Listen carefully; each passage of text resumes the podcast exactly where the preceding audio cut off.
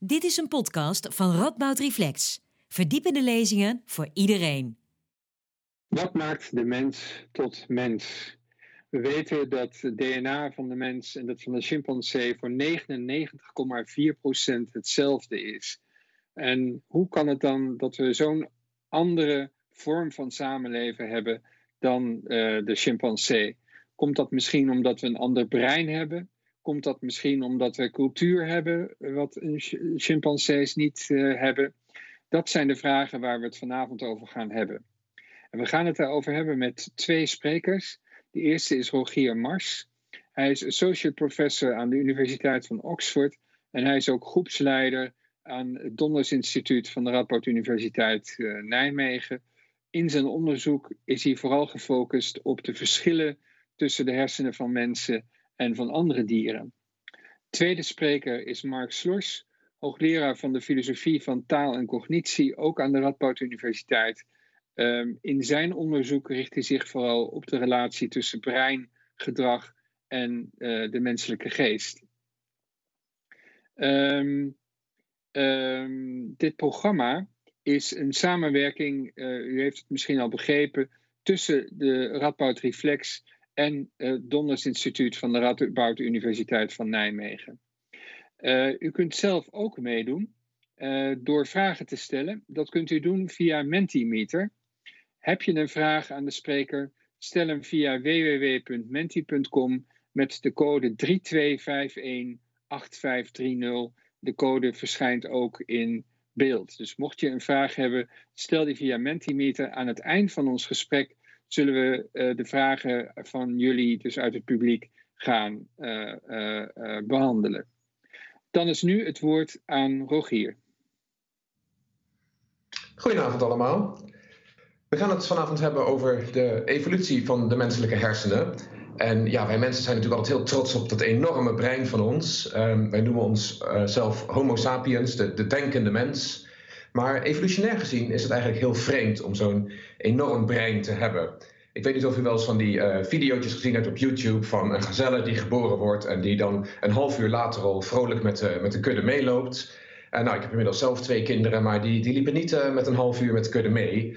Sterker nog, dat brein van ons, dat, dat duurt er ongeveer 20 jaar over om zich helemaal, helemaal te ontwikkelen tot volwassenen. En natuurlijk zijn onze kinderen in die tijd heel kwetsbaar. En evolutionair gezien is dat niet een hele goede strategie. En ook aan de andere kant van het leven zijn onze hersenen ongelooflijk kwetsbaar. Het aantal hersenziekten wat we tegenwoordig uh, kennen, dat, dat is helaas niet meer bij te houden. Dus waarom heeft evolutie uh, niet geselecteerd tegen die hersenen, maar hebben we die enorme hersenen? Nou, dat is moeilijk uit te zoeken, want uh, helaas, we kunnen niet afgaan op fossielen, want hersenen fossiliseren niet. Het is zachte, zachte stof.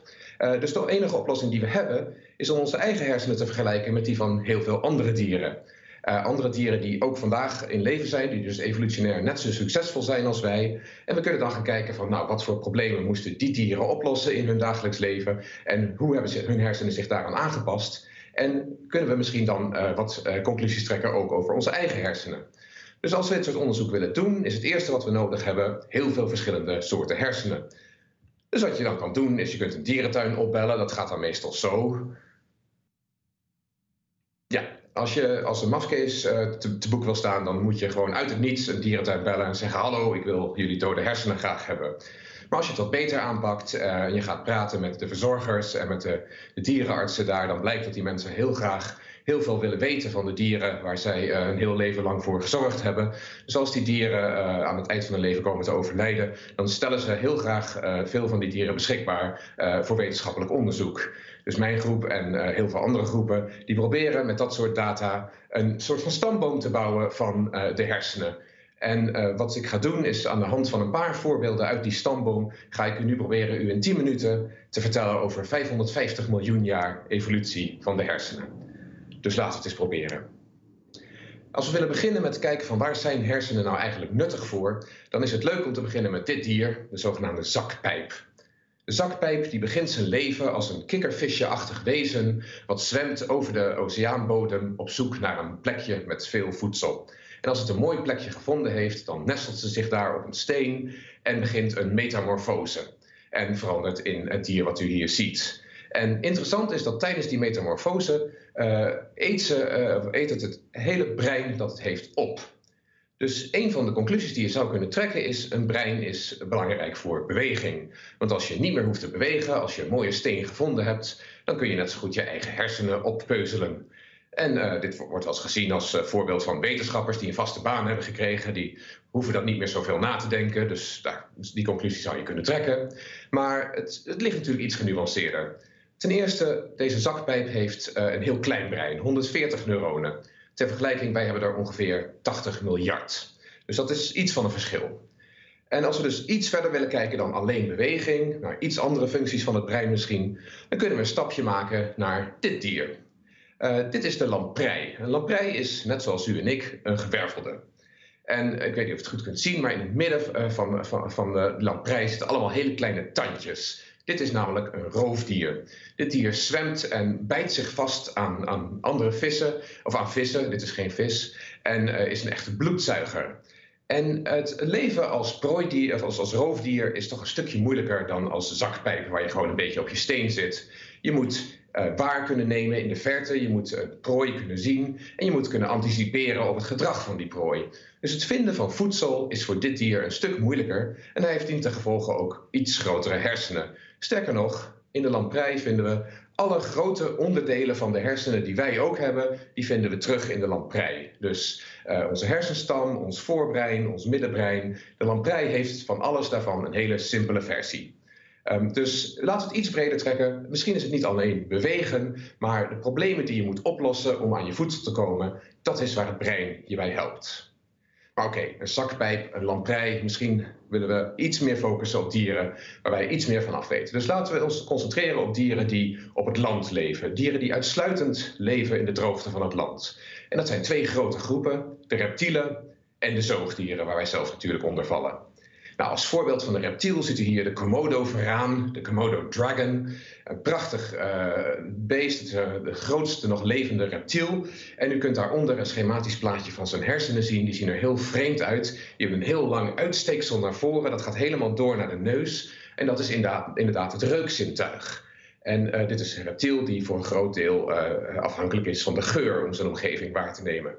Een zoogdier daarentegen, u ziet hier het spitsmuis, een heel simpel zoogdiertje, ja, die heeft wel zo'n reukorgaan, maar in vergelijking met de rest van de hersenen, uh, die, zijn, die veel groter zijn, valt het eigenlijk niet meer op. En wat veel meer opvalt, is dit, die kap die je in het midden ziet. Dat is de neocortex. Dit is ook het gedeelte wat in ons brein helemaal als kap over, ons hele, uh, over onze hele hersenen heen zit. Dat is een uitvinding van de zoogdieren.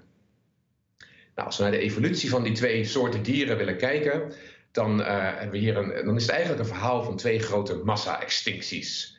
Zo'n 300 miljoen jaar geleden waren er verschillende soorten uh, reptielen. Eén groep daarvan zou later de zoogdieren worden. En zo'n 252 miljoen jaar geleden was er een grote massa-extinctie. 90% van de dieren in het water stierven uit en 70% van de dieren op het land stierven uit. Het was echt een drama. En wat er dan gebeurt, dan uh, is er uh, voor evolutie heel veel kans om nieuwe uitvindingen te doen. En wat uh, bleek is dat de, de, reptielen werden de dominante landdieren. Dit is de age of the dinosaurs, het tijdperk van de dinosaurussen. De dominante landdieren waren reptielen, die leefden overdag in de zon, um, kwamen redelijk makkelijk aan hun voedsel. Maar de arme zoogdieren die werden min of meer verbannen naar de niche van de nacht. Die, uh, overdag was het gevaarlijk voor ze met die enorme roofdieren. En s'nachts in rel relatieve veiligheid leefden er hele kleine zoogdiertjes. En die moesten natuurlijk een strategie hebben om dan te overleven. Die werden warmbloedig, uh, omdat ze in de kou leefden. En hadden voor dat warmbloedig zijn veel meer energie nodig. En energierijk voedsel vinden, dat is vrij lastig. Dat betekent dat je niet zomaar kunt wachten op elk eten wat voorbij komt. Soms moet je een simpel maal overslaan uh, om op zoek te gaan naar een veel moeilijker te vinden maal wat veel energierijker is. Dus je hebt veel moeilijkere beslissingen te nemen. En tien ten hadden wij een, hadden zoogdieren een groter brein nodig. En hebben ze die neocortex, wat hele flexibele uh, heel flexibel onderdeel van het brein is, wat zich makkelijk kan aanpassen. Dat is een uitvinding om daarmee om te gaan. 65 miljoen jaar geleden dan kwam er een einde aan dat tijdperk van de reptielen. Een enorme uh, meteoor stortte neer ten noorden van Mexico. Het was het einde van Jurassic Park en het werd het tijdstip van, of het tijdperk van de zoogdieren waar we nog steeds in leven. Ehm, en van wat betreft zoogdieren, wij zijn natuurlijk niet zomaar een zoogdier, wij zijn een heel apart soort zoogdier, namelijk een primaat.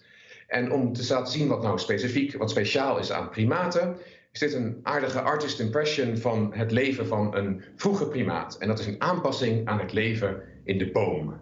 Uh, je kunt zien aan dit beestje dat hij heel veel aanpassingen in zijn lichaam heeft voor het leven op hele kleine instabiele takjes. Dit was een dier wat afhankelijk was waarschijnlijk van het eten van bladeren, misschien van wat insecten die op de bladeren leefden. En om, om zich daaraan aan te passen, de ogen die zijn van de zijkant van het hoofd, waar ze bij veel zoogdieren zitten, naar de voorkant gegaan. Het is een beest wat uh, heel goed diepte kan zien. De pols werd aangepast, de duimen werden aangepast. Het dier kan, zich, heel goed balanceren, kan heel goed grijpen. Uh, en die duimen die zijn heel nuttig. Een aap kan een banaan pellen. U, zult dat een rat nooit zien doen. Dus dit was een dier wat zich aanpaste aan het visueel leven en aan heel acrobatisch leven. En de hersenen van primaten hebben dan ook heel veel aanpassingen voor het verwerken van visuele informatie en uh, voor het uh, aansturen van hele specifieke motoriek. Nou, die hersenen zijn dus een stuk groter, die van de primaten, dan van de meeste andere zoogdieren. Maar binnen de primaten zijn wij weer een hele speciale groep. Wij zijn onderdeel van de mensapen. En de mensapen zijn aangepast aan het leven in het tropisch uh, regenwoud. Uh, mensapen zijn hele grote dieren. Hè, uh, gorilla's, uh, chimpansees, orang-oetangs. Dat zijn allemaal dieren met een heel groot lichaam. En die hebben zich opnieuw gespecialiseerd in heel erg energierijk voedsel. In dit geval voornamelijk vruchten. En dat lijkt heel mooi, dat is heel energierijk voedsel, maar dat is ook heel moeilijk te verkrijgen. Als dit je zicht is, nou zie maar eens waar is een boom die de juiste soort vruchten heeft. Vruchten zijn er niet elk seizoen bij elke boom. Uh, je moet goed kunnen waarnemen of een vrucht rijp is of niet, want sommige vruchten zijn uh, giftig als ze niet rijp zijn. Kortom, er is heel veel informatie en steeds veranderende omstandigheden waar je aan moet aanpassen. En je moet heel goed kunnen nadenken van oké, als ik nou naar die boom ga waar ik weet dat misschien wat vruchten zijn, ja, daar was ik gisteren ook al, dus daar is niet zoveel voedsel meer over. En het is een hele gevaarlijke reis, misschien dat er wel een, een, een, een roofdier rondloopt. Dus je moet heel veel afwegingen maken. En opnieuw, daarvoor, daaraan moet dat brein zich aanpassen. Dus ja, inderdaad, de, de hebben nog grotere hersenen dan, de meeste andere primaten. Uh, en daar zijn wij, uh, zoals gezegd, een onderdeel van, van die mensapen. Pardon. En wat we dan hebben als we ervan uitgaan, als we dan kijken naar de breinen van mensapen en dat brein van onszelf, en we kijken van wat is daar nou ongeveer gelijk aan, dan kunnen we ongeveer reconstrueren wat voor brein onze gemeenschappelijke voorouder zou hebben gehad. En als we dat uh, doen, dan komen we erachter dat onze gemeenschappelijke voorouder waarschijnlijk een vrij groot brein had, waarmee hij heel slim was. Hij kon omgaan, zoals gezegd, met hele veranderende omstandigheden. Hij kon zelfs eenvoudige gereedschappen maken. Uh, de chimpansee hier staat op een termietenberg. Ze maken gereedschap van takjes waarmee ze kunnen vissen naar die termieten. Dus het is heel, heel slim gedrag. Uh, het zijn ook vrij sociale dieren. Dus we hebben eigenlijk al een heel slim brein. Waarom dan leven chimpansees op het blauwe stukje op de kaart en leven wij mensen die toch bijna dezelfde hersenen hebben op de groene stukjes op de kaart? Waarom zijn die, uh, is die chimpansee die zoveel op ons lijkt eigenlijk verbannen naar een klein uithoekje van Afrika waar die met uitsterven wordt, bedreigd wordt, terwijl wij zo dominant zijn? Nou, daar gaan we het het komende uur rustig eens over hebben. Terug naar jou, Kees. Dankjewel, dankjewel Rogier.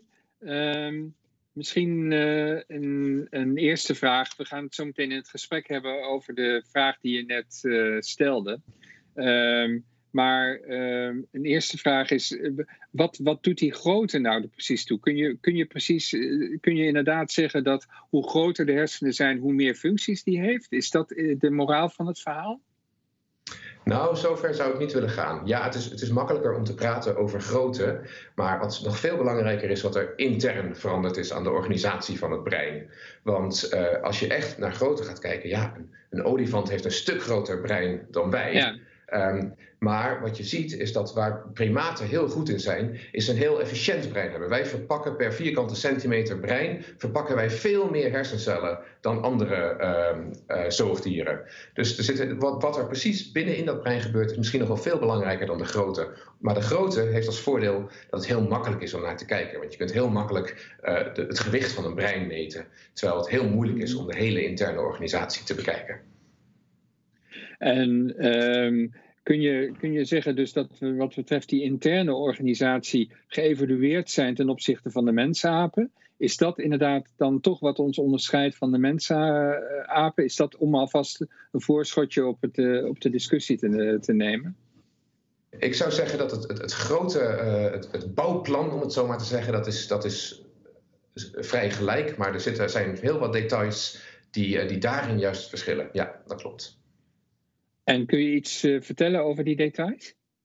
Nou, wat we bijvoorbeeld zien is dat um, er wat specialisaties zijn in de verbindingen tussen hersengebieden. Dus het blijkt dat uh, er veel meer integratie is tussen uitgebreide, tussen verschillende gedeelten van de hersenen in het menselijk brein dan in zelfs het brein van, van chimpansees. Dus het is makkelijker om informatie tussen verschillende gedeelten van het brein uit te wisselen. Oké. Okay. Um, ik denk dat we het eventjes hierbij houden. De rest doen we in het uh, gesprek. Uh, het woord is nu aan Mark Slors. Uh, dankjewel, Kees. Um, ja, dus de vraag, de vraag is: uh, uh, hoe komt het dat wij zo anders geworden zijn dan chimpansees? En heel veel mensen die zouden zeggen: hoe komt het dat wij zoveel slimmer geworden zijn dan, dan chimpansees? Waar komt onze ongekende intelligentie toch precies vandaan? Heel veel van die discussies over het verschil tussen chimpansees en ons, of misschien wel tussen onze laatste gemeenschappelijke voorouder en ons, die worden gesteld in termen van intelligentie. Daar wil ik kort iets uh, over proberen te vertellen. Dus uh, zo een kleine 15 jaar lang uh, is er nou een soort nieuwe theorie over, over die vraag op de markt. En um, daar wil ik iets over vertellen. Die heet de Cultural Intelligence Hypothesis. Maar om daar iets over te kunnen vertellen is het goed om eerst iets te zeggen over hoe men hiervoor dacht over uh, uh, de ontwikkeling van de mens en hoe het nou komt, hoe wij als het ware van een, van een, uh, een rechtoplopende mensaap komen tot hyperintelligente wezens. En het idee was ongeveer als volgt: je hebt een, een rechtoplopende mensaap en die wordt op een gegeven moment, als mijn klikker het doet, wordt die heel slim. En als die slim genoeg is geworden, dan gaat die samenwerken. En dan gaan al die mensapen met elkaar samenwerken. Dan vormen ze groepen en dan vormen ze op een gegeven moment zelfs hele samenlevingen. Uh, en uh, dat is verschrikkelijk goed voor uh, hun overleving. Dat laatste dat staat niet ter discussie. Het is zeker heel erg goed om samen te werken. Het is zeker heel goed om arbeid te verdelen en om in groepen te leven. Maar de vraag is natuurlijk. Um, hoe zit het precies met die slimheid van die apen voordat ze gaan samenwerken. Waar komt die slimheid precies vandaan? Nou, er zijn verschillende uh, theorieën waren erover op de markt. Je, uh, een, een, deel van die theorieën vond je bijvoorbeeld terug in wat Rogier vertelde over chimpansees. De eerste die zou je kunnen noemen de individuele intelligentiehypothese. En het idee daarbij is vergelijkbaar met, met de apen die in het groene woud van Rogier op zoek moeten gaan naar vruchten. Um, die vroege mensen die moesten omgaan met hele schaarse informatie. Hè. Denk bijvoorbeeld aan, uh, aan het, uh, het, jagen op dieren en het, het, het, het, vinden van de juiste cues om die dieren te kunnen vinden. Dus omgaan met schaarse informatie. Ze moesten kunnen improviseren. Ze moesten basis van. Ik zie opeens geen beeld meer. Oké. Um, ze moesten op basis van, uh, van relatief weinig informatie nieuwe strategieën vinden. En ze moesten heel veel informatie tegelijkertijd hanteren. En het idee is, een evolutionaire aanpassing daarop is dat je, dat je hersens groeien, dat je slimmer wordt. En als je maar slim genoeg bent, dan zul je wel gaan samenwerken. Dat was het oorspronkelijke idee. Het tweede idee, en dat is vergelijkbaar hiermee, um, net iets anders. Die zegt, dat is de sociale intelligentiehypothese. En die hypothese die zegt, kijk, mensen gaan op een gegeven moment bij elkaar clusteren, gaan kleine groepjes vormen en langzaam steeds grotere groepen. En wat je dan nodig hebt, is dat je snapt wat andere mensen van je willen. Je wil begrijpen wat de bedoelingen van andere mensen zijn. Je moet kunnen snappen hoe je kunt samenwerken. Uh, wat ook heel erg belangrijk is, is dat je moet kunnen onderscheiden tussen mensen die graag met jou samenwerken en mensen die jou eigenlijk bedriegen, maar doen alsof ze met je samenwerken. En dan krijg je een vorm van sociale intelligentie. Je krijgt eigenlijk een soort van, bijna een soort van wapenwedloop tussen, uh, tussen die mensapen onderling. Um, om maar zo slim mogelijk te zijn om wel het voordeel uh, te trekken uit uh, groepsamenleven, maar niet de nadelen. Nou, dan krijg je een enorme wapenwedloop in sociale intelligentie, in het snappen van uh, het gedrag van de andere apen. En dat zou deze vroege mensapen slim maken, zo slim dat ze op een gegeven moment ook echt gaan samenwerken en in groepen gaan leven. Goed, in grotere groepen gaan leven. Wat is nou het probleem met deze, uh, met deze these? Dat is dat je uitgaat van een uh, individueel begrip van intelligentie. Dus die apen die moeten eerst zelf heel erg slim worden en dan pas gaan ze samenwerken in, uh, in groepen. Als je kijkt naar onze uh, chimpansees, dat zijn natuurlijk niet onze gemeenschappelijke voorouders, maar dat zijn wel de beesten die er het meeste op lijken van ons uitgezien dan zie je eigenlijk dat um, als je kijkt naar het soort van intelligentie, dat, dat die, die, die individuele intelligentie, dan zijn die chimpansees ongeveer net zo slim als mensen die geen kennis tot zich genomen hebben, die geen cultuur tot zich genomen hebben, die weinig opvoeding gehad hebben. Dit is een heel mooi voorbeeldje. Ja, ik kan geen filmpje laten zien, maar uh, u moet dat echt op YouTube opzoeken. Er zijn prachtige uh, uh, filmpjes over. Mooie BBC-documentaire. Dit is een aap en die woont in, uh, in Tokio. En die heeft een, een leuk spelletje. Die krijgt op dat bovenste scherm te zien de nummers 1 tot en met 9 in willekeurige volgorde op dat scherm geprojecteerd. en zodra die aap dat gezien heeft, moet hij die nummers in juiste volgorde aantikken op het scherm. Dus die begint met 1 en op het moment dat die vinger op 1 zit, dan worden al die nummertjes worden vakjes. En kun je niet meer zien welk nummertje achter welk vakje zit. Heeft die aap geen moeite mee, want die heeft volstrekt onthouden waar welk nummer zit. En die tikt met het grootste gemak van 1 tot en met 9 aan. Krijgt dan een beloning en speelt het spelletje opnieuw. Als u dat op filmpje op YouTube ziet, dan zie je hoe relaxed die aap daarbij zit en hoe hij ervan geniet en hoe goed hij erin is. Wat u ook zult zien in dat filmpje is dat die aap dat 9 van de 10 keer correct doet en heel erg snel doet, terwijl een mens dat 1 op de 33 keer goed doet en daar heel erg veel tijd voor nodig heeft. Dit is een extreem voorbeeld, maar er zijn redelijk veel andere experimenten gedaan waarin uh, dit soort van kleine taakjes, cognitieve taakjes zijn uh, vergeleken tussen uh, chimpansees en mensen. ruimtelijk redeneren, redeneren over hoeveelheden, redeneren over oorzaak en gevolg. als het gaat om taakjes waar je niks voor hebt hoeven leren, hè, dus taakjes die gewoon op basis van je aangeboren intelligentie zou kunnen doen, dan scoren die apen hetzelfde als mensen. In ieder geval chimpansees scoren net zo als mensen, orang-oetangs ietsjes lager. Maar er is één aspect waarin mensen echt daadwerkelijk radicaal verschillen van die apen. En dat is namelijk sociaal leren. Dat wil zeggen leren van elkaar. En ook leren aan elkaar. En daar zit de crux. Daar zit het grote verschil met, uh, uh, met andere dieren en met uh, onze chimpansees. En dan krijg je een nieuw soort van model over hoe de menselijke evolutie heeft gelopen. Dan begin je met een aap die niet zo heel erg slim is, maar wel rechtop loopt. En die gaat in kleine groepjes wonen. En die gaan een beetje samenleven. En dan kunnen ze van elkaar afkijken. Dan kunnen ze leren van elkaar. En als ze dat op een gegeven moment gaan doen, dan vormen ze een groep waarin bijvoorbeeld arbeid wordt verdeeld. Um, en waarin mensen een structuur opbouwen, of aapmensen een structuur opbouwen, waarin zij dat leren van elkaar, uh, uh, zeg maar, inbedden in een soort van cultuur. En dan krijg je een soort groepsintelligentie. Dus die groep als geheel, die gaat heel goed functioneren. Uh, en omdat die groep goed functioneert, gaan die mensen het heel erg goed doen. En krijgen ze zelf een soort eigen intelligentie. Maar die is, die is net iets anders dan de intelligentie van het vorige model. Want nu moet een aap weten hoe die moet functioneren in een groep. En daar kan bijvoorbeeld specialisering een rol bij spelen. Um, dit is de culturele intelligentiehypothese. En het idee is dat, kijk, bijvoorbeeld chimpansees die leren van elkaar ook wel hoe je met een stokje een termiet uit een heuvel kan halen. En dat doen ze zo af en toe. Uh, dus dit is niet zo dat dieren niet van elkaar leren. Maar mensen beginnen er eigenlijk meteen mee. Meteen na hun geboorte uh, leren ouders van alles aan hun kinderen. Kinderen blijken ontzettend nieuwsgierig te zijn en leergierig te zijn. Blijken van alles te willen leren van hun ouders. En onze cultuur die is helemaal aangepast aan dat leerproces. Aan, die, aan dat leren van elkaar.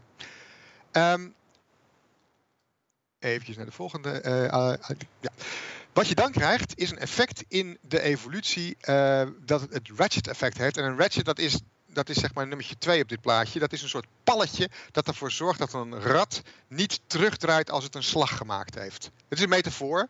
En de metafoor staat ervoor dat als um, op een gegeven moment binnen een groep kennis en vaardigheden worden opgedaan, dat een volgende generatie in die groep die kennis en vaardigheden niet zelf opnieuw zouden moeten uitvinden. dus bij die eh, chimpansees die dat met een stokje doen, die moeten dat elke generatie weer opnieuw uitvinden en misschien van elkaar leren, maar die dragen het niet meteen bij de geboorte over aan hun kinderen. Als kennis en vaardigheden worden overgedragen, dan blijven die kennis en vaardigheden behouden in een cultuur. En wat je dan krijgt is dat een volgende generatie niet meer bij nul begint, niet meer het wiel hoeft uit te vinden, maar bijvoorbeeld kan gaan kijken naar hoe je een as heel goed kunt smeren of iets dergelijks. Dit is een, uh, misschien een beetje een raar voorbeeld, maar je kunt voor, voortborduren op bestaande kennis. En dan ontstaat er iets heel nieuws in de evolutie. Dat is namelijk culturele evolutie. Goede ideeën blijven behouden. Slechte ideeën vallen af. En je krijgt een soort evolutie op het niveau van ideeën. Een, een soort mentale evolutie. En dat wordt culturele evolutie genoemd. Um, laatste slide die ik zou willen laten zien. Dat is een slide over uh, wat heet gen-cultuur-co-evolutie. En het idee is dit. In een groep functioneren mensen veel beter dan individuen apart. De groep die kan als groep ongelooflijk veel meer dan uh, een collectie losse individuen die niet samenwerken, die niet van elkaar leren.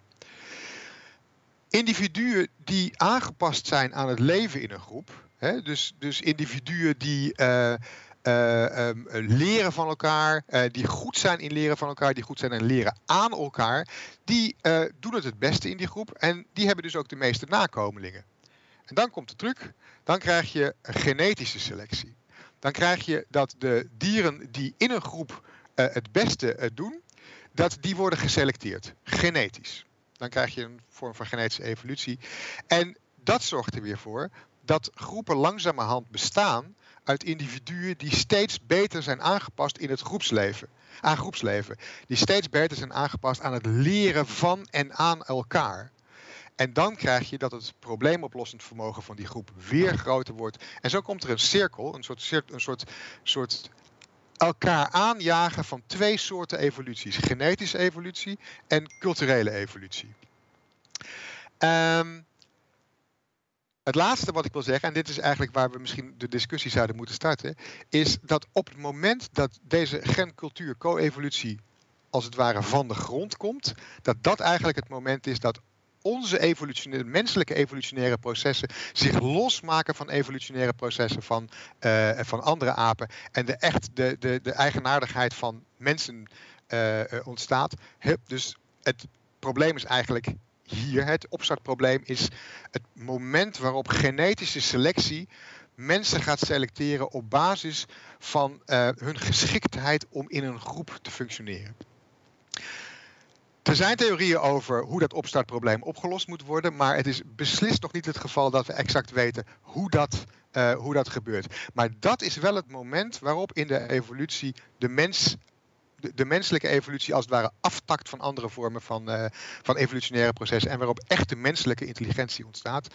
Waarbij ik nogmaals wil benadrukken, dat is het laatste wat ik wil zeggen, um, dat die menselijke uh, intelligentie een groepsintelligentie is. Het is een intelligentie van hoe wij kunnen functioneren in een groep. En die groep als geheel, die stelt ons in staat om het beste met de natuur om ons heen om te gaan. Dat is uh, waar ik het bij wil houden. Dankjewel, uh, Mark. Uh, en je hebt je fantastisch aan de tijd gehouden ook. Trouwens, Rogier ook. Ehm, misschien een, een eerste vraag Um, we hebben in, bij Rapport Reflex ook uh, Frans de Waal uh, als gast gehad. En die betoogde dat we eigenlijk niet. Uh, zijn we eigenlijk, stelde de vraag: zijn we slim genoeg om te weten hoe slim dieren zijn? jij benadrukt meer het feit dat wij toch slimmer zijn dan dieren. Hoe, hoe verhoud je je tot die these van de Waal? ja, dat is een hele goede vraag. Um ik zou denken dat de, de twee theses sluiten elkaar niet uit. Waar de Waal het over heeft, is het vermogen van ons individuen om te snappen hoe slim dieren zijn. En ik denk dat, dat, inderdaad, dat hij inderdaad gelijk heeft. Dat, kijk, intelligentie is natuurlijk niet één ding wat je op een soort op, op een soort lineaire schaal kunt plaatsen. Waarbij je zegt van aan de ene kant uh, heb je heel dom en aan de andere kant heel slim. En daar zit een soort rechte lijn in. Intelligentie is, zou kunnen zeggen, probleemoplossend vermogen. Uh, en dat probleem, die problemen waar organismen zich mee uh, of, of zich tegenovergesteld zien, ja, die verschillen natuurlijk gigantisch. Dus je kunt niet zomaar zeggen dat er één soort van intelligentie is. En het is beslist zo dat wij, nou ja, wij snappen niet goed hoe intelligent sommige dieren zijn. Ik heb toevallig net die documentaire over die, die octopussen te kijken op Netflix. Dat is een onvoorstelbare intelligentie. en ja, daar beginnen wij pas net ietsjes van te begrijpen. Dus wat dat betreft heeft Frans de Waal volledig gelijk. Um, dat staat, staat buiten kijf. Maar het tweede wat ik wil zeggen is dat ik denk inderdaad dat op een bepaalde manier mensen slimmer zijn dan andere apen. En dat dat niet komt omdat, omdat wij individueel slimmer zijn dan apen. Dus dat wil ik laten zien met dit voorbeeldje van, die, van dat experiment uit Tokio. En, en er zijn echt, echt uh, tientallen andere experimenten die hetzelfde laten zien. Individueel onze aangeboren intelligentie die is vergelijkbaar met de intelligentie van apen. Dus wat dat betreft heeft Frans Waal ook gelijk. Het is helemaal niet zo dat wij op dat niveau slimmer zijn. Waar het verschil komt is op het moment dat wij gaan leren. En wat wij leren, dat, dus wat wij vanuit onze omgeving meekrijgen, dat is kennis die er uh, honderden generaties over gedaan heeft om te worden wat die is. En het is ook kennis waarvan wij het grootste gedeelte eigenlijk helemaal niet snappen. We weten wat we ermee kunnen, maar hoe het tot stand gekomen is en hoe, wat er allemaal achter zit, dat snappen wij helemaal niet. We hebben allemaal een iPhone. Uh, nou, ik betwijfel of iemand van ons echt snapt hoe een iPhone werkt. Je weet wat je ermee kan doen. We hebben het gekregen als het ware en daar kun je van alles mee. Maar wat daarachter zit is collectieve intelligentie heleboel mensen die samenwerken, uh, die, die gebruik maken van, van echt van, van honderden, duizenden jaren aan opgebouwde, langzaam opgebouwde culturele kennis. Um, en dat is iets wat wij hebben en wat andere dieren niet hebben. Ja, um, misschien een, eh, een, een volgende vraag. Ik heb um, uh, de indruk dat jij zeg maar, het primaat bij evolutie leg je bij cultuur. Het feit dat we een gemeenschappelijke cultuur hebben, dat we zijn gaan samenleven, zijn gaan samenwerken. En vanuit die cultuur ontwikkelen we intelligentie. Maar is er niet nog iets ja. wat daaronder ligt, zeg maar? Wat, hoe zit het bijvoorbeeld met taal? Um, hoe zit het met uh, het vermogen tot empathie? Zijn die niet eigenlijk, zeg maar, primitiever? Zijn die niet uh, oorspronkelijker dan die cultuur? Veronderstelt die cultuur niet zelf ook weer bepaalde eigenschappen? Uh, ja, um, dus dat is ook een hele goede vraag. Um, uh, ja en nee. Uiteraard is het zo dat op het moment dat, dat apen, wanneer ze gaan samenwerken, op een, op een zodanige manier dat ze van elkaar kunnen leren, en wanneer er op op een gegeven moment een bepaalde grens overschreden wordt, en dat is de grens waarop die kennis blijft hangen in een groep, hè, waarop dat ratchet effect optreedt, als, als, als die grens uh, komt en daarop de volgende generatie dus voort kan bouwen op eerdere kennis um, en daar langzamerhand dan uh, genetisch geselecteerd gaat worden op mensen die het beste zijn in leren van elkaar, dan, dan, dan, dan ontstaat er op een gegeven moment een verschil. Maar jouw vraag is, ja, maar wat, wat gebeurt er daarvoor? En is, is er daarvoor niet van alles nodig? Uiteraard, ja. Er is, daar, is, uh, daar is echt veel uh, voor nodig. Daar is veel sociale intelligentie voor nodig. Um, er is een soort van goodwill naar elkaar toe nodig, die Frans de Waal bijvoorbeeld heel erg sterk benadrukt. Um, uh, dus er is, er is, of er taal bij komt kijken, dat is niet helemaal duidelijk. Er is natuurlijk ontzettend veel niet duidelijk hier uh, in, in dit soort van vraagstukken. maar veel mensen, sommige mensen denken dat er inderdaad dan al taal had moeten zijn. Anderen zeggen nee, die taal die komt later pas. Maar wat, wel, wat ik wel wil benadrukken is dat er zijn een soort, er moet natuurlijk een oorspronkelijk soort van aanleg zijn. Anders dan wil, wil die samenwerking niet van de grond komen. Maar als die van de grond komt en als je genetische selectie krijgt op die individuen die het beste zijn in het samenleven in groepen en het leren van elkaar, dan krijg je genetische selectie op cognitieve vermogens ehm, zoals empathie, uh, sociaal inzicht, taal, uh, de dingen die ons tot samenwerkende wezens maakt. En dan, dan krijg je een. Als er al taal mocht zijn in een primitieve vorm, dan wordt taal opeens echt complexer. Als er al sociaal. Er zijn, er zijn dan al sociaal uh, intelligente vermogens, maar dan krijg je sociale intelligentie van een, echt van een next level. Um, dus uh, ja, er is iets we moeten ergens, op, uh, ergens mee beginnen.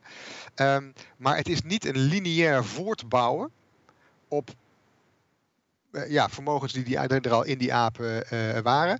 Maar er komt op een gegeven moment echt één klein, ja, klein.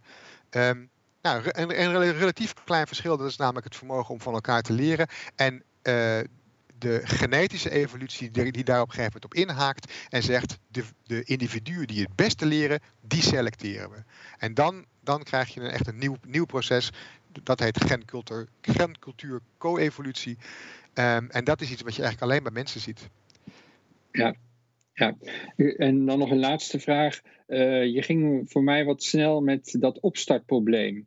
Uh, wat is precies het probleem aan dat opstartprobleem, uh, zeg maar?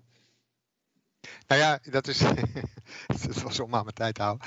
Um, ja, nee, het, het probleem daar is natuurlijk dus dat, dat het moment dat kennis blijft hangen in een groep. Uh, en dat een volgende generatie daarop kan voortbouwen. En het moment dat degenen die daar het beste op voort kunnen borduren, genetisch geselecteerd worden. Ja, dat is het moment als het ware dat onze, onze oorspronkelijke vorm van evolutie, die puur genetisch is, opeens aftakt en een heel ander soort van evolutie krijgt. Dan krijg je culturele evolutie en biologische evolutie die naast elkaar werken en die elkaar versterken. In een heel specifieke richting, namelijk in de richting van wezens die verschrikkelijk goed kunnen samenwerken. Die verschrikkelijk goed kennis kunnen uitwisselen en die verschrikkelijk goed samen kennis kunnen ontwikkelen. Uh, samen. En die daar uh, allerlei maatschappelijke structuren voor aan het, uh, aan het aanleggen zijn. Dus de vraag is natuurlijk van waarom is dat bij ons gebeurd en is dat bij andere wezens niet gebeurd? Um, nou, het antwoord, en het antwoord daarop is eigenlijk, het is bij andere wezens wel gebeurd, maar wij zijn de enige die daarvan nog over zijn. Dus je hebt uh, uh, Neandertalers en de, de Denisova mensen en de Flores mensen en uh, er zijn er inmiddels een stuk of acht, negen ontdekt, mens, menssoorten. Um, maar die hebben het niet gered. En dan is het een beetje de vraag, ja, waarom is dat niet gebeurd? En daar, daar zijn verschillende meningen over. Maar daar is zeker het laatste woord nog niet over gezegd. Um, wat wel belangrijk is, is dat je een bepaalde groepsgrootte nodig hebt. Uh, wil dit soort van culturele evolutie lukken? En dat heeft er eigenlijk mee te maken dat um, uh, nou ja, die, culturele evolutie die draait om het imiteren, hè, om, het nadoen van elkaar, om snel van elkaar te kunnen leren. En daar kunnen, zijn, wij best wel goed in, maar ook niet super goed. Um, dus je hebt uh, altijd als mensen dingen aan elkaar leren, dat een groot deel van de leerlingen het maar half begrepen heeft. Dus er moeten wel voldoende leerlingen zijn om de kennis juist over te brengen. Ik weet niet of je, als je een muziekinstrument wil leren spelen en je wil dat via YouTube doen bijvoorbeeld, um, dan er is altijd iemand die een een of andere geweldige gitaarsolo gaat uitleggen. En er zijn er vaak wel honderden van die dezelfde gitaarsolo uitlegt. En er zijn er misschien maar vijf van die die, die, solo echt goed uitleggen. Dus je ziet precies daar het proces. Je hebt voldoende mensen nodig om... Um, nou ja, om, om dat imitatieproces een beetje goed van de grond te krijgen. En als dat niet gebeurt, dan zie je ook echt degeneratie. En er zijn goede voorbeelden van, uh, van te geven van groepen die uh, tot op het bijna uitsterven, uh, die, die net te klein zijn geworden om zichzelf in stand te houden. Ja. Oké, okay, ik denk dat het tijd is om Rogier erbij te roepen. Welcome back. Um, uh, Rogier, heb, je, heb jij nou je antwoord? Uh, want je, jij stelde de vraag, uh, hoe is dat brein geëvolueerd? Nou, we hebben hier een hypothese. die gaat over de, de rol van cultuur. Um, heb je je antwoord? Nou, ik heb, ik heb een hypothese. Maar de hypothese is, is heel functioneel. Hè? Dit, is, dit is wat er gebeurd zou kunnen zijn. En het is inderdaad zo gedragsmatig dat ja, wij, wij, wij leren inderdaad veel meer van elkaar dan, dan andere dieren doen. En nou ja, onze, onze kinderen die, die, die willen niets anders dan, dan leren en, en, en communiceren ook. Hè. Ik heb net mijn, mijn, mijn, zoontje opgehaald bij het dagverblijf en die wijst alles aan in de omgeving, uh, want die wil kennis met je delen. Nou, dat, dat doet een, een, een jonge chimpansee niet. Die gaat niet wijzen naar, kijk mama, daar, daar zie ik dit en dat. Um, maar wat ik nog niet heb, is wat is er nou in het brein veranderd? Want is dit een totaal nieuwe module? Is dit een heel kleine wijziging? Dus ik heb, ik heb geen ik kan nog niks testen over wat, wat ik verwacht dat anders is in het mensenbrein dan in het chimpanseebrein op basis hiervan. Dus eh, ik weet niet of, of, waar moet ik naar op zoek, gegeven dat ik al deze breinen nu in emmers in de kast heb staan. Mm Mark, waar moet je ehm, naar op zoek? Uh, nou, leervermogen natuurlijk. Hè? Dus het vermogen om, om van elkaar te kunnen leren. En dat, dat, dat vereist vermoedelijk ook ja, sociale intelligentie, sociaal inzicht. Um, dat hebben andere dieren ook. Um, maar dat hebben wij wel heel erg. Ik denk, ik denk eigenlijk vooral die twee elementen. Taal vermoedelijk ook. Want kijk, taal helpt natuurlijk ontzettend in het van elkaar leren.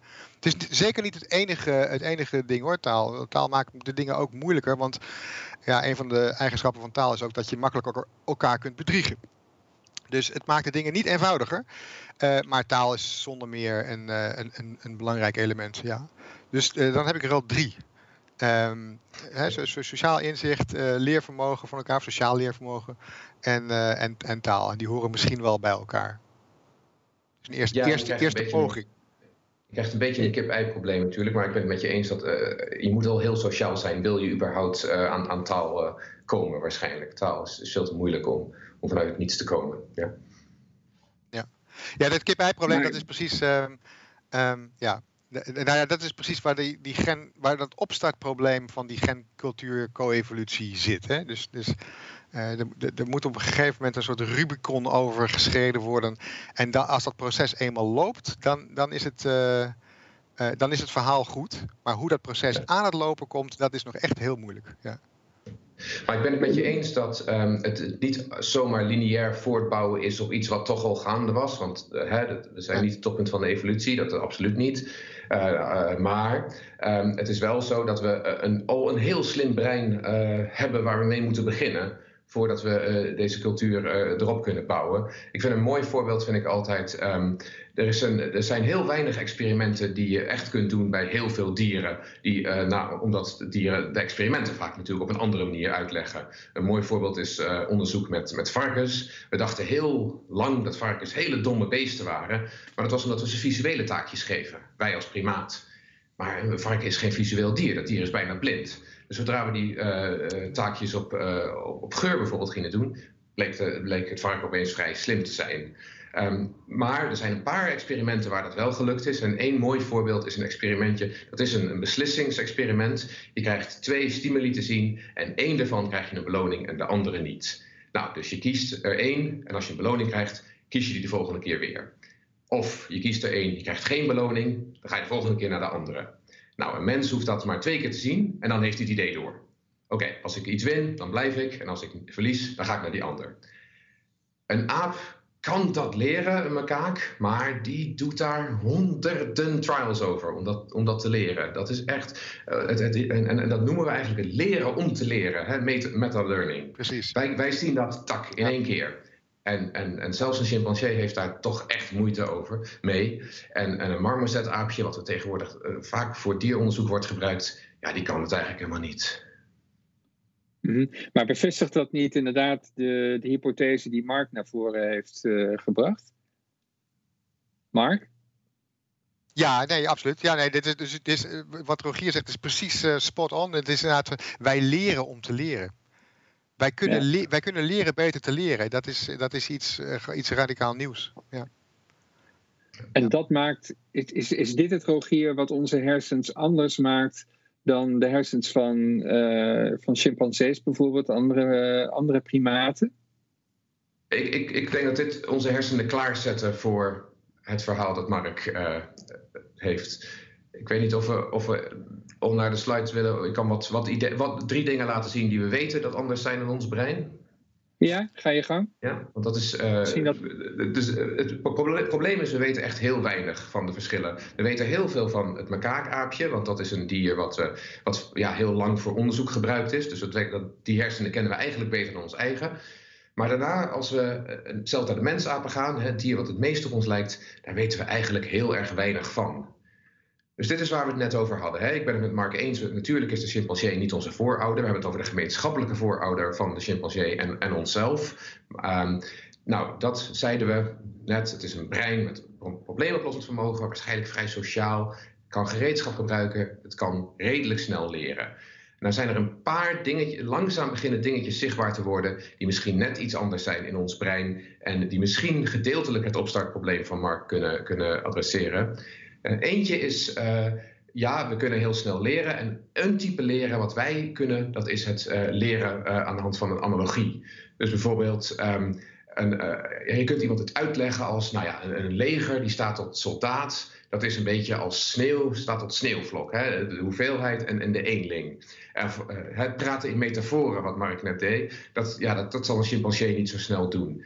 En één gebiedje wat daar eh, in de hersenen van, van mensen vaak op ligt, als je mensen dit soort taken geeft, dat zie je hier, het is in de frontaalcortex. Jullie kunnen mijn cursor natuurlijk niet zien, maar dat is dat blauwe gebiedje daar in in aan de voorkant van het brein. Dat is één gebiedje wat qua verbindingen met de rest van het brein er anders uitziet dan wat je in andere apen ziet. Nou ga ik niet zeggen dat dat ene gebiedje is wat ons menselijk maakt, absoluut niet. Maar dit is één, ding, één stukje van onze hersenen die ja, andere informatie binnenkrijgen en die kunnen combineren op een manier dat een ander brein dat niet kan. En interessant genoeg zien we dat dat gebiedje dit soort uh, manieren van leren, dat het daarbij uh, actief is. Een ander iets is die, die sociale intelligentie waar, uh, waar Mark het over had. En daar zou ik één ding graag aan toe willen voegen.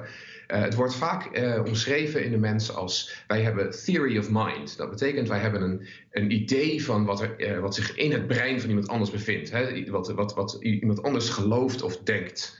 En uh, het idee was heel lang, dat kan een chimpansee absoluut niet. Die heeft niet door van, oké, die, die andere persoon die denkt dit. Um, maar er is een heel interessant uh, onderzoek geweest van, van Brian Hare een paar jaar geleden. En die liet zien dat dat niet helemaal waar is. En wat hij deed is, hij zette twee chimpansees tegenover elkaar. En in het midden van de ruimte legde hij wat voedsel neer, wat ze allebei graag wilden hebben. Het probleem is dat die uh, uh, chimpansees hebben een hele sterke dominantie-hierarchie. Dus één dier is dominant aan de andere. Dus die, de, het niet-dominante dier die, die zal nooit van zijn leven in zijn hoofd halen om naar het voedsel toe te gaan als die weet dat de dominante dier het kan zien. Maar er staan ook twee uh, schermpjes in de ruimte. En daar kan ook wat voedsel achter liggen. En dat kan het dominante dier niet zien, maar het ondergeschikte dier kan het wel zien. En de vraag is nu, als je theory of mind zou hebben, dan zou dat ondergeschikte dier dat moeten weten en daar gebruik van maken. En dat blijkt dat de chimpansee dat inderdaad doet.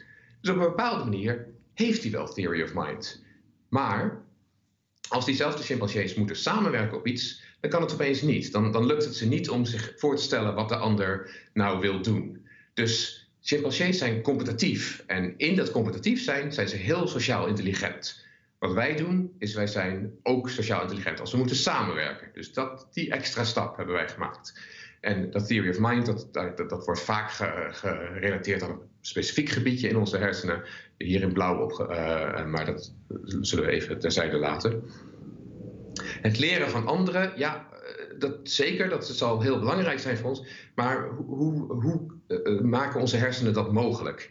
Ik ben het niet helemaal eens met Mark dat, dat uh, het, uh, de chimpansee-baby geleerd wordt hoe die uh, een werktuig moet maken. Wat ik denk is dat die moeder die stelt het dier, het nageslacht in, in staat om door heel veel stokjes in de omgeving te hebben. En dan gaat dat babytje mee spelen. Maar die zal, zoals Mark zegt, het zelf moeten uitvinden opnieuw. Dus het wiel, of in dit geval het gereedschapje, moet elke keer opnieuw worden uitgevonden. En wat we zien is dat in onze hersenen de, de, de, de, verschillende visuele stromen, de verschillende stromen die visuele informatie verwerken, onder andere voor het leren van um, kenmerken van objecten en de stromen die uh, gebruik maken van visuele informatie voor motoriek, dat die veel sterker met elkaar verbonden zijn. Dat zou misschien wel aan de basis kunnen liggen van dat leren aan anderen. Dat we verschillende soorten visuele informatie met elkaar in verbinding brengen op een manier die het chimpansee-brein niet kan doen.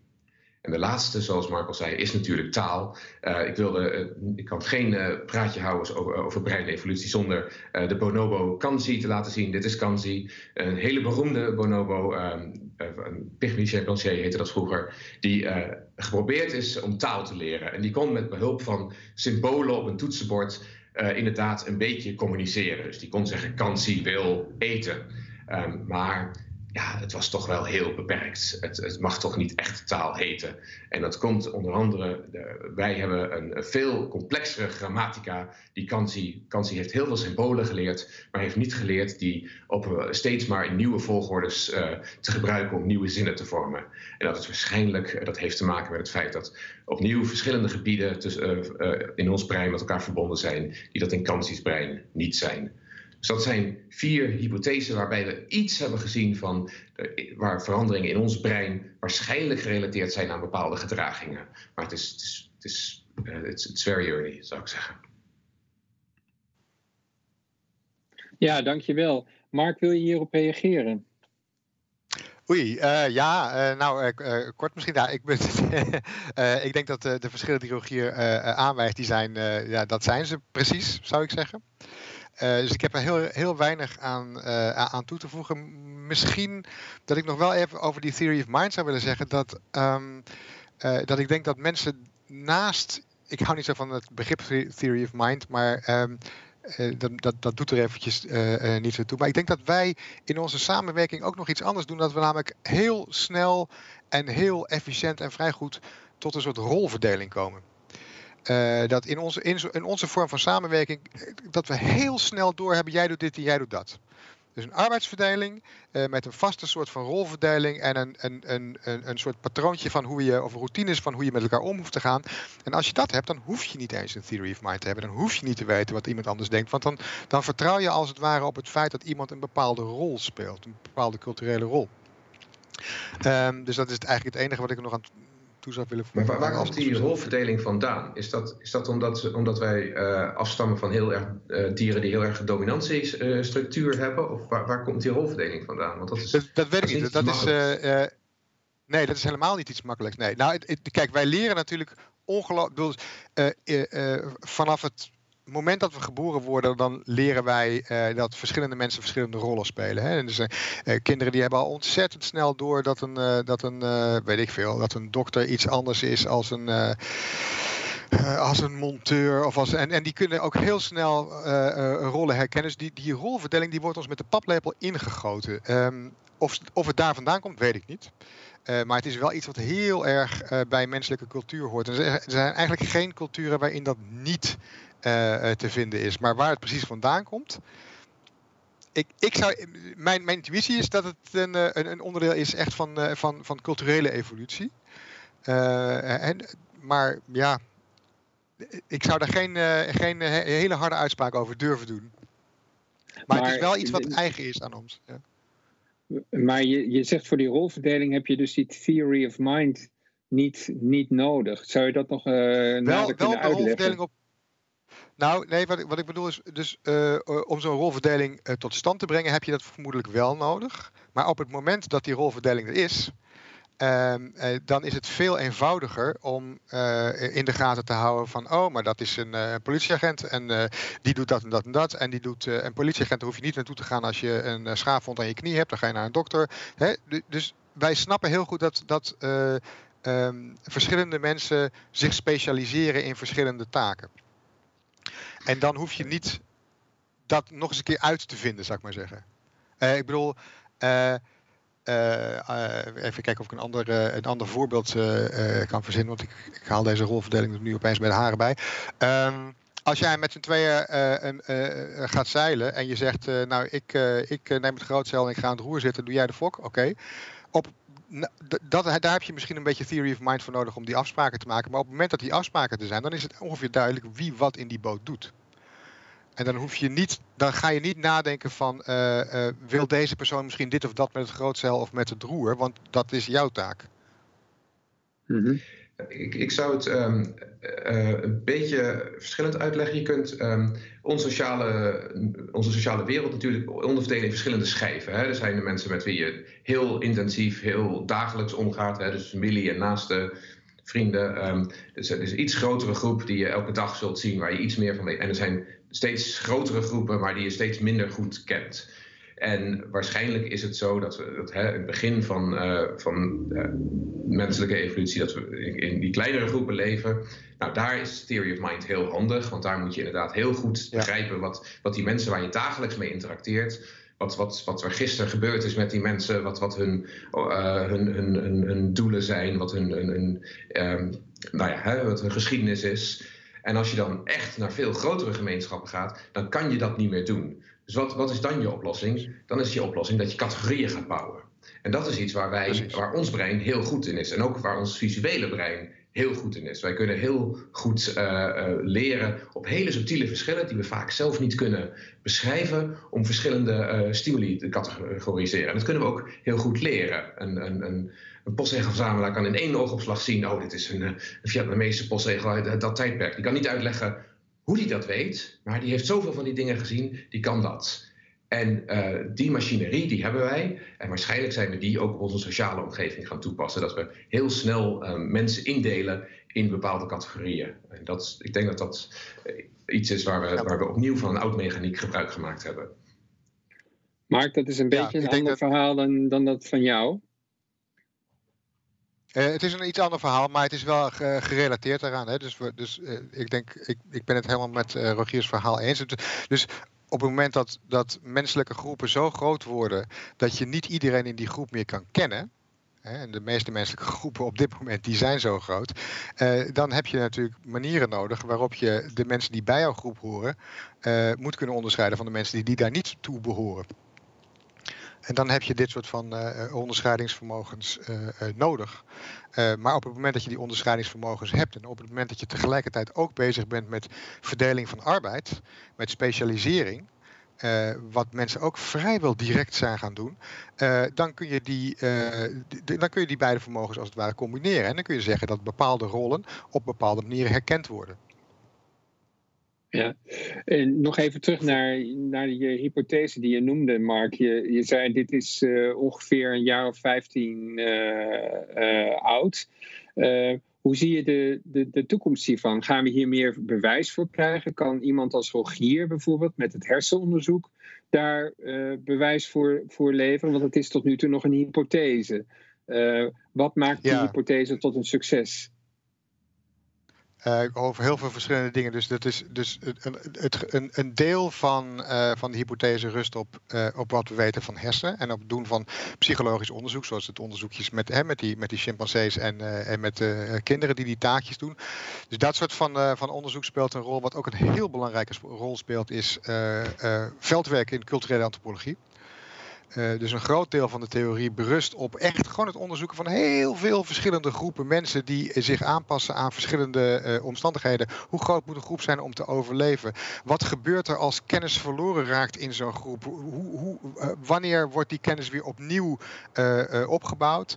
Ehm, er zijn, dat, is heel, dat is pas heel recent dat er onderzoek wordt gedaan, dat gedragswetenschappelijk onderzoek wordt gedaan in ehm, ja, economische laboratoria eigenlijk. Het zijn bijna economische spelletjes. Economie, economie speelt hier ook een, een, een belangrijke rol. Um, maar wat ook een hele grote rol speelt is uh, computermodellering. Uh, dat is, ik, ik, wil niet zeggen dat het de belangrijkste component is van, uh, van onderzoek naar deze hypothese, maar het is wel een hele belangrijke. Dat ze computermodellen bouwen van hoe generaties het gaan doen wanneer het leervermogen zus is of wanneer het leervermogen zo is. En dat is ontzettend abstract onderzoek. Maar ja, het is wel heel belangrijk in, dit, in, verband met deze hypothese. Um, hoe werkt het met dit soort hypotheses? Ze bestaan uit heel veel verschillende componenten met uh, heel veel verschillende uh, bewijzen uit verschillende vakgebieden. Ik vind het, wat ik interessant vind aan deze hypothese is dat hij niet aan één specifiek vakgebied gekoppeld is, maar dat hij juist heel veel verschillende vakgebieden, dus degene die ik noem, hè, neurowetenschap, psychologie, economie, antropologie en computermodellering met elkaar combineert. Ja. wat de toekomst is van de, van de theorie, ja. Ik moet eerlijk, kijk, ik ben, ik ben filosoof. Uh, dus ik doe dat onderzoek allemaal niet. Ik, lees, ik vind het leuk om erover te lezen. En ik vind het leuk om, uh, uh, om als het ware kennis te integreren. En wat, mm -hmm. wat mij inneemt voor deze theorie is de, de verklarende kracht ervan. He, dus het feit dat het al die informatie kan integreren. En ook het feit dat het, dat het voor het eerst is dat ik een theorie tegenkom over de evolutie van mensen die aan uh, aan twee soorten mensen um, uh, recht doet. Je komt namelijk altijd mensen tegen, als je het over de evolutie van de mensen hebt, die uh, als eerste zeggen: Nou, de mens is niet de kerst op de taart hoor. dieren zijn veel slimmer dan je denkt. nou, en dan krijg je allerlei verhalen over hele, hele prachtige dingen die dieren kunnen doen, zonder meer waar. Uh, en aan de andere kant heb je mensen die zeggen van uh, ja, maar uh, mensen hebben wel een raket gebouwd en kan naar de maan. en heb je wel eens naar jouw iPhone gekeken? Heb je ooit een aap met een iPhone gezien? En dat soort van verhalen. Hè? En dat zijn beide correcte intuïties. Beide. En tot nu toe is er geen theorie die beide intuïties bij elkaar krijgt. En hier is er opeens eentje en die zegt: jawel, dat krijgen we wel bij elkaar. Onze, de intelligentie die zorgt voor raketten en iPhones, die is collectief. En dat is een cultureel fenomeen en niet een fenomeen uit je brein. Onze intelligentie komt niet uit onze hersens, maar komt uit een soort collectief brein. Dat is wat, wat die hypothese zegt. En de intelligentie die wel uit onze hersens komt, daarin zijn mensen helemaal niet zoveel specialer dan dieren. Dus, dus deze, deze hypothese combineert beide, uh, beide intuïties. Um, dat is geen bewijs natuurlijk, maar het is wel, iets, het is wel een soort van. Um, ja, hoe zou ik het zeggen, een, een, een intellectuele sprong die je maakt. Uh, mm -hmm. uh, en, en, en dat geldt niet als bewijs. Um, maar het is wel, denk ik, ja, ik zou zeggen, het is reden genoeg om meer onderzoek te doen naar deze hypothese, want hij heeft gewoon veel potentie. Veel verklarende kracht. Maar Rogier, ik hoor Marx zeggen, intelligentie komt niet uit het brein, komt uit een soort van collectief brein. Dat lijkt me voor een hersenonderzoeker een, een gewaagde these. Nou ja, eh, de, de vraag blijft, uh, wat is er aan het brein veranderd dat het opeens uh, tot al deze dingen in staat is om, zo, uh, zo, om te, zo snel van anderen te leren? En dat is een beetje, ik, ik ben ook een groot fan van deze hypothese, maar het probleem is dat als je zo heel breed bent, dat je weinig specifieke voorspellingen kan doen in al die vakgebieden waar je uit leent. En daardoor mm -hmm. blijft zo'n zo'n theorie een beetje oppervlakkig. En, en dat, is, dat is jammer. Want ik, ik, ik wil heel graag, uh, ik, ik, ik, spreek veel met uh, antropologen en, en, en, filosofen en, en, biologen. En ik, wil altijd, ik probeer ze altijd hypotheses te ontlokken. Van oké, vertel mij nou, wat, wat, wat voorspel jij dat ik ga vinden? Want uh, we, we, komen in de neurowetenschap steeds verder in technieken waarin we heel specifieke dingen in die, in, uh, in, die breinen kunnen gaan vinden. Dat we heel specifiek kunnen gaan zien wat, is een, wat kan het ene, ene brein wel en het andere brein niet. Maar ik moet een voorspelling hebben die ik kan gaan testen. En dat, dat, dat blijft lastig. Ja, dat, dat, snap ik. Dat is, dat is zeker wanneer het gaat om uh, om, om voorspellingen op het gebied van neurowetenschap. En zeker als het gaat om neuroanatomie, en, uh, dan, dan wordt het, uh, ja, dan wordt het heel erg lastig. Er zijn wel voorspellingen natuurlijk op, op gedragsniveau, ehm, die vrij recent getest zijn. Uh, een jaar vier geleden voor het eerst gebeurd. Dat, dat dus computermodellen die iets zeggen over hoe kennis zich verspreidt in een groep. Uh, die hebben ze vergeleken met antropologische data. Uh, hoe groot een groep moet zijn en hoe betrouwbaar de, die, die, die transmissie van kennis moet zijn. Uh, en daar hebben ze hele leuke experimenten voor gedaan. Uh, inderdaad, met, met ja, meestal zoals het altijd gaat, met studenten. die dan gezichtjes moeten tekenen en patronen moeten, aan elkaar moeten leren. En um, daar, daar, kwam, daar waren hele concrete hypotheses over, concrete voorspellingen. En die kwamen wel uit. Maar ja, dat is natuurlijk geen neurodata. Ja.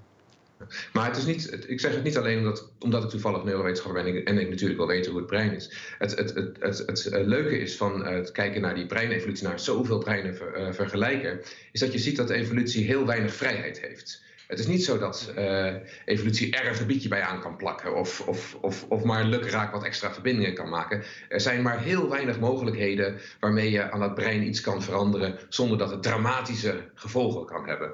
Dus je kunt de neurowetenschap heel erg gebruiken om je hypothese uh, strakker te maken. Omdat niet ja. elke verandering die wordt voorgesteld, mm. die kan. Het, uh, want evolutie is geen engineer. Evolutie heeft maar heel weinig speelruimte.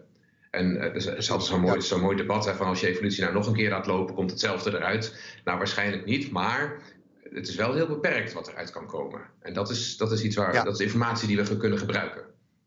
Ja, ja. ja. En op deze, maar op deze manier kun jij, kun jij als neurowetenschapper toch iets met die hypothese die Mark heeft, uh, heeft uitgelegd, die culturele evolutiehypothese? Of, of je, je noemde het net een, een beetje oppervlakkig. Uh, ben je als neurowetenschapper bezig om die hypothese te testen, zeg maar? Of uh, hoe, hoe moet ik me dat voorstellen? Ja, ik denk dat wij meer bottom-up gaan. Dus wij, ik, tenminste, in, de manier waarop we het in mijn groep doen, is wij gaan anatomisch kijken wat zijn de verschillen.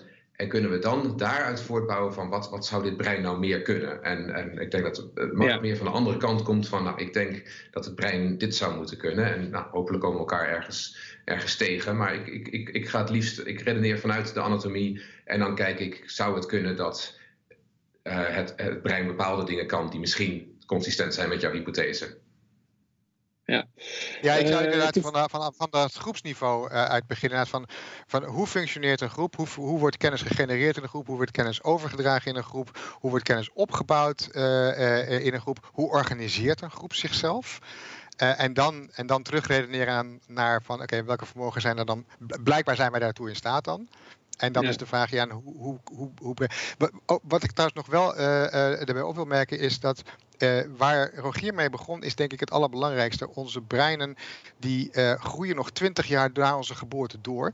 En in die 20 jaar worden ze enculturated. Dus die breinen passen zich aan. Dat is gewoon één grote aanpassingsmachine aan de omgeving. Die omgeving die is cultureel. Dus het is niet zo dat ieder brein uh, uh, biologisch hetzelfde is. Ze worden biologisch anders door in een andere cultuur te leven. De, dat ja. wilde ik er nog even bij, bij noemen. Dat zijn bekende gegevens. Maar dat, ik denk dat daar dan ook wel onderzoek naar, of, of, misschien interessant onderzoek naar gedaan zou kunnen worden, naar hoe dat precies werkt. Oké, okay. het is tijd om naar de vragen van het publiek te gaan.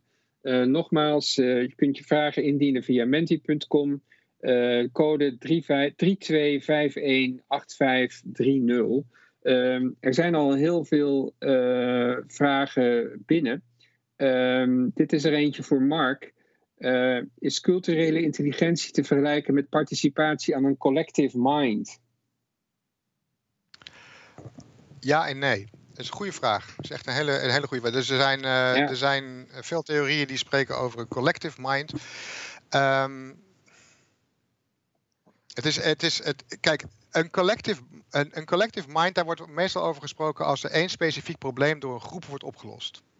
Als een groep één probleem uh, ziet uh, en dan vervolgens samen daaraan gaan uh, samenwerken. Het probleem dat de, de collective brain, zou ik maar zeggen, zoals dat in de culturele intelligentiehypothese wordt genoemd. Het probleem dat die collective brain moet oplossen is hoe overleeft een groep zo goed mogelijk in de omgeving waarin die groep leeft. Dat is een tamelijk onspecifiek soort van probleem. En in dat opzicht lijkt zo'n groep niet echt op wat normalitair een, uh, een, een, collective mind wordt genoemd. Er zijn natuurlijk heel duidelijk uh, overeenkomsten. En de overeenkomst is dat beide systemen cognitieve systemen zijn. Dus beide, ik zou echt zeggen, een, een, een samenwerkende groep mensen, dat kun je ook zien als een cognitief systeem. Het is helemaal niet zo dat alleen maar breinen cognitieve systemen zijn. Um, maar de taak die zo'n groep heeft, die is uh, uh, behoorlijk onspecifiek. Uh, de rolverdeling en de verdeling van arbeid is juist heel erg specifiek in zo'n groep. anders vaak dan een collective mind. Dus er zijn wel verschillen. Dus er zijn overlappen en er zijn ook wel belangrijke verschillen. het echte antwoord is ietsjes complexer, maar ik ben bang dat ik daar geen tijd voor heb. Nee, dat, uh, laten we naar de volgende vraag, vraag, gaan. Um, dat is er misschien ook eentje voor uh, meer voor Rogier. Waarom zou sociaal leervermogen genetisch gecodeerd zijn? Hoe kan het dat genetische evolutie hierop inhaakt? Um, ik weet niet of dat er een voor mij is of voor Mark eigenlijk, maar um, ik. Misschien voor allebei. Ik denk dat ons, uh, ons leervermogen inderdaad genetisch gecodeerd is. En dus ook als wij een groter uh, leervermogen hebben om, om uh, informatie van anderen te gebruiken, dat dat een, een, een, genetische component zal hebben, ja. En zoals evolutie dan werkt. Als, je, als er in groepen mensen zijn die dat goed kunnen en die een voordeel hebben, of groepen die dan voordeel hebben, dan zal dat daar, daardoor, daarmee samengaan. Ja. Ik weet niet, Mark, of jij daar meer over hebt? Ik heb er niet heel veel, heel veel meer over, nee. Oké, ehm, dan gaan we naar de volgende. Ehm, ehm, dieren zijn in staat om in harmonie te leven met de natuur om zich heen. Waarom lukt het de mensen niet ook om dit te kunnen doen, gezien onze jarenlange overdracht van kennis? Dat, dat doen we toch niet zo goed. Hè? We, we, we, we, zijn dan zo slim en we zijn geëvolueerd en we hebben culturele intelligentie, maar we, vernietigen tegelijkertijd de planeet. Uh, misschien een vraag voor jullie, voor jullie allebei. Mark, jij als eerste? Ai. Uh, ik vind het heel. Uh, het, is, nee, het, is, het is volledig waar. Wij vernietigen de planeet. En dat is niet heel erg slim. en of we bij tijd slim genoeg worden om daar een halt toe te roepen, dat is, dat is ook, ook niet helemaal duidelijk. wat je wel zou kunnen zeggen, is dat ons type intelligentie die wij in ook onze groepsintelligentie die wij in de huidige moderne samenleving uh, gebruiken, misschien best nog wel veel lijkt op het soort van groepsintelligentie wat je nodig hebt in relatief kleinere groepen. Wat je in die relatief kleinere groepen ziet, is dat die het over het algemeen wel voor elkaar krijgen om iets in harmonie met hun omgeving te leven. Um, waar gaat het dan mis? Ja, ik denk omvang. Uh, er zijn, uh, er zijn uh, mooie studies gedaan naar, naar, naar hoe het komt dat samenlevingen instorten. en er zijn heel, vaak heel veel verschillende theorieën over, maar heel vaak blijken dat relatief kleine factoren te zijn die als het ware um, in, een, in, een, in een collectief cognitief proces um, te weinig uithalen. Hè? Dus je ziet, je, dus, dus um, oh god, hoe kan ik het? Wij zijn mensen van gewoontes. En die gewoontes die zijn ongelooflijk belangrijk voor het overleven van een groep. Dus het eerste wat we aankrijgen geleerd uh, in onze cultuur is een enorme bak met uh, routines en gewoontes en conventies waarvan we nauwelijks weten waarom we die moeten aanleren. Um, en uh, daar is een hele goede evolutionaire reden voor vaak. Uh, die, uh, die, die, die routines en die gedragingen die doen het allemaal heel erg goed bij de overleving van een groep en bij samenwerking in een groep in een specifieke omgeving. Um, maar ik ben bang dat de routines die wij, of dat onze hang naar routines, uh, op dit moment uh, precies onze vijand aan het worden is. En dat ons onvermogen om de dingen niet op een routinematige manier te doen. En om nou eens echt even anders om te gaan met onze omgeving en met, uh, met elkaar. Dat we dat, dat, dat, dat we dat eigenlijk gewoon niet kunnen. Um, dit is een beetje een omslachtig antwoord. Mm. Maar de, de, korte versie zou zijn. Um, groepssamenwerking draait op een heleboel routines die we eigenlijk niet snappen. Die routines die houden we vast. Op dit moment zouden we hele andere routines ons moeten aanleren. En eigenlijk zijn we daar misschien wel niet toe in staat. Of heel slecht in ieder geval. Rogier, heb jij daar nog een aanvulling? Ja, ik zou daar een, een cynisch antwoord aan willen toevoegen. Dat um, we hebben te maken met wat je in de wetenschap uh, biased sampling hebt, noemt. Want de dieren die uh, nu uh, leven, die leven misschien in harmonie met de natuur. Maar dat komt omdat allegenen die dat niet deden in het verleden, die zijn per definitie uitgestorven. Dus er zijn er misschien heel veel geweest die dat niet deden. alleen dat was niet zo'n succesverhaal. Wat dat betekent voor ons, of we een succesverhaal zullen zijn of niet, dat, uh, dat laat ik daarbij in het midden. Je ontwijkt het antwoord. Maar het is wel leuk. Een beetje. ja. Nou ja, uh, ik, ik, denk dus dat het wel meevalt met hoe, hoe, hoe andere dieren in harmonie leven. Ik denk dat er heel veel zijn geweest die dat ja. niet deden. Um, ja. Ik ja. denk inderdaad dat uh, wij inderdaad wat, wat succesvoller zijn dan, dan dan, dan misschien goed voor ons is. Maar... Er zijn, er zijn mooie voorbeelden van, van samenlevingen die instorten. En die, dat, die instorten vanwege het vasthouden aan culturele tradities. Dus de laatste theorie over het, de instorten van de samenleving in Paaseiland. die draait gewoon, die, die, die, gaat helemaal niet over, om het omkappen van uh, te veel bomen of, of het, uh, uh, het, niet hebben van voldoende voedsel. Maar echt gewoon echt om het vasthouden aan bepaalde tradities die uiteindelijk in, de om, in die omgeving um, nou ja, averechts werkten. Ja. Hetzelfde wordt gezegd zijn, over de eh, Maya-collapse. Ja.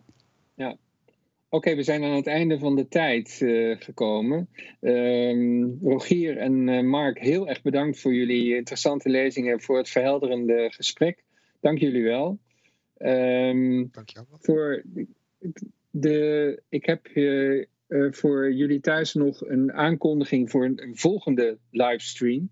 En die is al aanstaande donderdag, 1 april om 8 uur. De filosoof en het coronadebat, een lezing in gesprek met filosofen Paul van Tongeren, Daan Rovers en Marty Huijer. En het gaat hier eh, om niets minder dan de overdracht van de titel Denker des Vaderlands. Want Marty Huijer is de voorvorige, Daan Rovers is de vorige en Paul van Tongeren is de volgende Denker des Vaderlands. Dus mocht je daarin geïnteresseerd zijn, aanstaande donderdag 1 april om 8 uur. Überhaupt vond je dit een leuke avond? Eh, draag je Radboud Reflex een warm hart toe en wil je dat uitdrukken in meer dan een like of een follow? Dan kun je een donatie doen via de donatieknop op de website van uh, Radboud Reflex. Bedankt voor het kijken namens Radboud Reflex en het Donders Instituut. Heel erg bedankt voor jullie aandacht en voor jullie vragen. En tot de volgende keer.